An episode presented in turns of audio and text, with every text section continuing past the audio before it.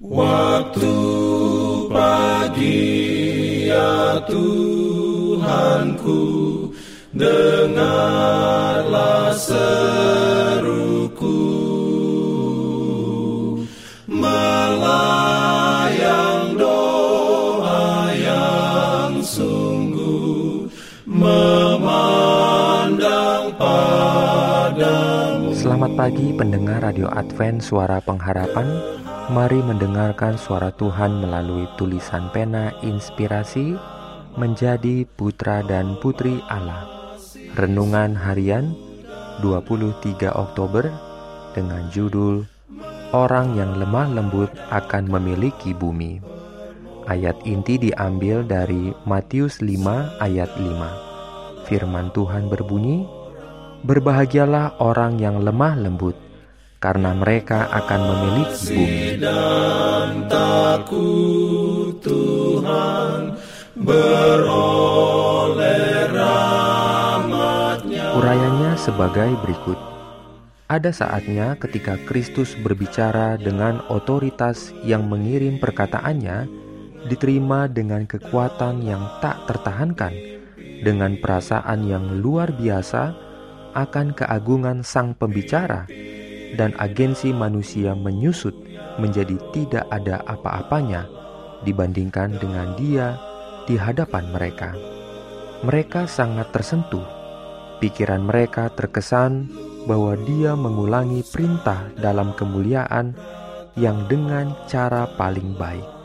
Ketika dia memanggil dunia untuk mendengarkan, mereka terpesona dan takjub, dan keyakinan muncul di benak mereka.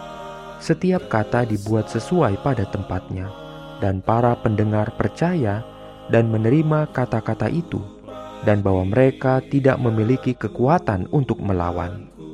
Setiap kata yang diucapkannya bagi para pendengar adalah kehidupan Allah. Dia memberikan bukti bahwa Dia adalah terang dunia, dan otoritas gereja mengklaim lebih unggul dari mereka semua. Yesus menempatkan kelemah lembutan di antara kualifikasi pertama untuk kerajaannya. Dalam kehidupan dan karakternya sendiri, keindahan anugerah ilahi yang berharga ini diungkapkan. Sifat alami manusia selalu berjuang untuk tampil, siap untuk kontes. Tetapi dia yang belajar tentang Kristus dikosongkan dari diri sendiri, kesombongan, cinta akan supremasi, dan ada keheningan dalam jiwa. Diri menyerah untuk diisi Roh Kudus, maka kita tidak ingin memiliki tempat tertinggi. Kita merasa bahwa tempat tertinggi kita adalah di kaki juru selamat kita.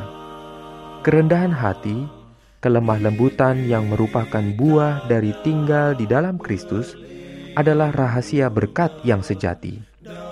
Ia memahkotai orang-orang yang rendah hati dengan keselamatan. Melalui keinginan untuk meninggikan diri, dosa masuk ke dunia, dan orang tua pertama kita kehilangan kekuasaan atas bumi yang adil ini, yaitu kerajaan mereka. Melalui menyangkal diri sendiri, Kristus menebus apa yang hilang, dan Dia berkata, "Kita harus menang seperti Dia." Melalui kerendahan hati dan penyerahan diri kita, dapat menjadi pewaris bersamanya, ketika yang lemah lembut akan mewarisi bumi.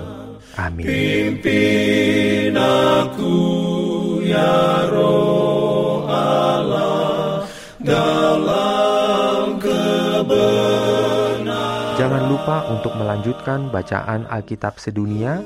Percayalah kepada nabi-nabinya yang untuk hari ini melanjutkan dari buku Filipi pasal 4. Selamat sabat dan selamat berbakti. Tuhan memberkati kita semua. jalan